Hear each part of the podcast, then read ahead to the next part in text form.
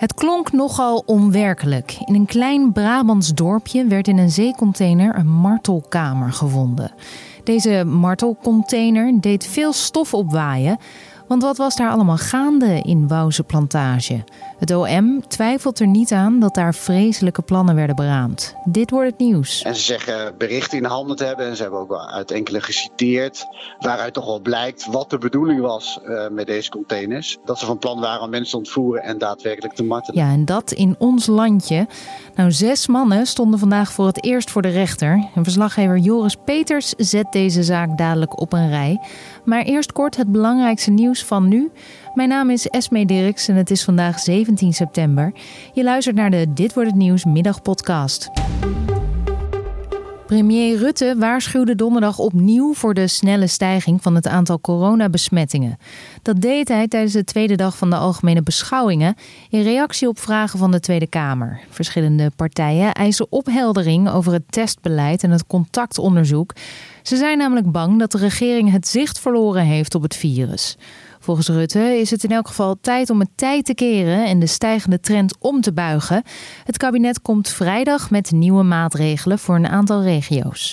Matthias M. krijgt 10 jaar cel en TBS voor het doden en in stukken zagen van de steenwijker Halil Errol. Lichaamsdelen van het slachtoffer zijn in de jaren na zijn verdwijning in 2010 op meerdere plekken in Nederland gevonden. De rechter acht de schuld van M bewezen vanwege DNA-sporen die van hem gevonden werden op een van de vindplaatsen. Hij moet ook een schadevergoeding betalen aan de dochter, de zus en de broer van het slachtoffer. Het Russische oppositielid Alexei Navalny was mogelijk al vergiftigd voordat hij in Rusland aan boord van een vliegtuig ging. Het team van Navalny meldt op zijn Instagram-pagina dat er sporen van gif zijn aangetroffen op een waterfles uit zijn hotelkamer. Eerder werd gedacht dat het in een kop thee zat op het vliegveld. Alle spullen die in zijn hotelkamer lagen zijn overgedragen aan Duitsland voor een nader onderzoek. De wolf heeft zich ook gevestigd in Drenthe en zal dat binnenkort mogelijk ook officieel in Noord-Brabant doen. Als een wolf zes maanden achtereen in eenzelfde gebied is, wordt er gesproken van vestiging. Het is uh, niet precies duidelijk in welk Drents gebied, maar er zijn de afgelopen zes maanden genoeg sporen van het roofdier gevonden om te concluderen dat het dier daar blijft. Op de grote heide in Brabant zijn die sporen er ook. En als die eind september nog steeds worden gevonden, dan betekent dat dat de wolf zich ook daar heeft gevestigd. Bezoekers van een nationaal park in Thailand krijgen binnenkort een pakket met hun eigen afval thuis bezorgd. De minister van Milieu is het zat nadat hij afgelopen weekend weer bergen vuilnis aantrof in het park. Al een tijd moeten mensen hun gegevens achterlaten als ze het park binnen willen komen. En dat komt nu mooi uit. Hij schrijft op Facebook dat alle rommel is verzameld en dat de bezoekers een souvenir toegestuurd krijgen. Het Khao Yai National Park is een van de grootste parken in Thailand en staat op de werelderfgoedlijst van UNESCO. En dan het gesprek van deze dag. Zeecontainers die samen een zogenoemde onderwereldgevangenis vormden. Het zette het Brabantse dorp Wouwse Plantage afgelopen juli op de kaart. De politie vond zes grondig geïsoleerde containers die waren ingericht als cellen. Met boeien aan de vloer en aan het plafond, een chemisch toilet en een camera die de gevangenen in de gaten moest houden. En dan was er nog een container. Daarin stond een tandartsstoel om iemand in vast te snoeren en werd allerlei gereedschap gevonden, zoals scalpels en vingerklemmen, oftewel een martelkamer. Verslaggever Joris Peters volgt deze schokkende zaak voor ons die vandaag begon. Ja, het is uh, behoorlijk bizar te noemen. En vooral de professionaliteit die ermee gepaard gaat. Hè. We hebben het hier over een gevangenis voor de onderwereld, waarin, de, waarin het de bedoeling was om uh, criminele rivalen te martelen. In ieder geval, dat is de overtuiging van het Openbaar Ministerie. Um, en als je ziet wat voor dingen dan zijn aangetroffen, hè, los van de martelwerktuigen, gaat het ook om kogelvrije vesten, uh, politieuniformen en er zou het blijkbaar ook eh, de bedoeling zijn geweest om een arrestantenbus van de politie eh, te stelen. Mhm. En dit alles om, eh, om de eigen, het eigen arrestatieteam te kunnen vormen. Ja. Ja, laten we even teruggaan naar de vondst. Hè? Het, het riep uh, walgingen op. Een martelkamer klinkt natuurlijk als iets wat je niet per se zou vinden in een klein dorpje in ons land. Um, vertel nog eens even kort hoe de politie daar terecht kwam. Nou, ze zijn Robin van O, die zijn ze al eerder op het spoor gekomen in een ander onderzoek. En toen was al het vermoeden dat hij op zoek was naar een loods. Nog even zonder het idee wat hij, wat hij daarmee zou willen. Ehm, en uiteindelijk werd dit steeds concreter. Uh, en toen werd er gesproken over het loods in Brabant, hè, de Wouwse plantage.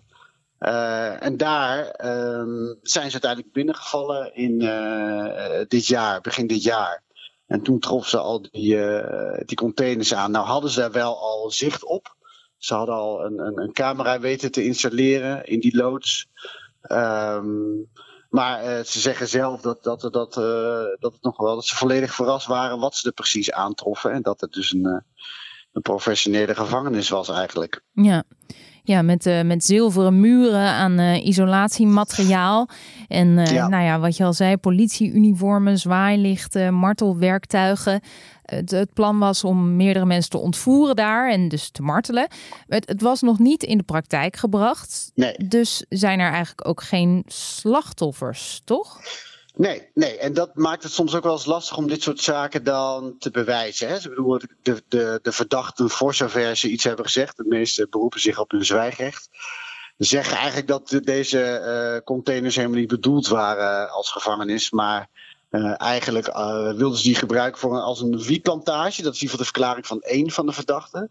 Heel veel meer heeft hij er ook niet over willen zeggen. Um, maar inderdaad, het gaat allemaal om voorbereidingen op. ze hebben alleen wel een troef in handen. En dat is waar we het al eerder in deze podcast over hebben gehad. EncroChat, de, de versleutelde communicatie die waarmee ze live konden meelezen. En ze zeggen berichten in handen te hebben. En ze hebben ook wel uit enkele geciteerd. Waaruit toch wel blijkt wat de bedoeling was uh, met deze containers. En daarom zijn ze ook wel gesterkt in de verdenking uh, dat het wel echt uh, dat ze van plan waren om mensen te ontvoeren en daadwerkelijk te martelen. Ja. ja, want de politie kon dus live meekijken met um, de mannen die daar aan het chatten waren via EncroChat. Ja. Um, wat las de politie daar voor berichten? Wat er onge, uh, onder andere wordt besproken is dat, uh, dat alles is, dat het drie keer is geïsoleerd. Als, als sta je ernaast, dan hoor je niks. Hè. Dan hebben we het over die containers. En dan zegt diegene, de, de opdrachtgever zegt van, ja, pak alles wat je nodig denkt te hebben. Wapens en zo, je mag alles bestellen. wat heb je allemaal klaarstaan? Waarop die andere weer zegt, nou, ik heb twee teams. Dat zou dan over arrestatieteams gaan. En ja, dus er wordt eigenlijk heel openlijk gesproken over het op handen zijn van, van mensen ontvoeren en dan martelen met welke, met welke redenen ook. En wie waren dan eh, de beoogde slachtoffers? Nou, die namen zijn niet bekend. Uh, ik heb wel begrepen dat er, dat er behoorlijk wat mensen zijn gewaarschuwd. dat zij op een lijst zouden staan. Maar om wie dit nou precies gaat, dat is nog wel, dat is nog wel de grote vraag. Oké. Nou, dan vandaag is de zaak begonnen. Zes mannen staan terecht. Hoofdverdachte is Robin van O. zijn advocaat die, die, die sprak vandaag en die zegt dat hij onterecht wordt neergezet als monster. Hij zei dat het er alle schijn van heeft dat de politie en het OM hem nu al veroordeeld hebben, dat hij oneerlijk behandeld wordt. Waarop baseert nou, hij dat? Ja, wat, waar hij, wat hij een beetje hekelt is eigenlijk dat zijn uh, cliënt is al uh, een tijdje geleden gewaarschuwd door de politie dat zijn leven gevaar loopt. Uh, om, wat voor reden dan ook. Er zou een conflict zijn in het criminele milieu. Um, en dat ze hem eigenlijk zo oud en die open brengen in deze zaak. Hè. Ten eerste tuigen ze, tuigen ze hem al helemaal op met, met spectaculaire beelden van de inval in deze uh, martencontainer. En eigenlijk heeft hij het vermoeden dat de naam van Robin van O is gelekt vanuit justitie naar de pers. Zodat, er op dit moment in verschillende media hele uh, rapportages staan van wie deze man dan wel niet is. Waardoor hij nog meer in een schijnwerper staat. Uh, nou, dat bij ministerie liet wel gelijk weten dat, dat die naam in ieder geval niet door hun is gelekt. Maar ja, volgens deze advocaat is het nog maar de vraag wat het de bedoeling was. Uh, met deze containers. Uh, er, wordt dus er wordt dus gesproken over dat er een showtje zou zijn opgevoerd. De, de, daadwerkelijke opdrachtgever van deze containers, maar voor de gek houden. Zo, om, om zoveel mogelijk geld afhandig te maken. Dus een soort oplichting.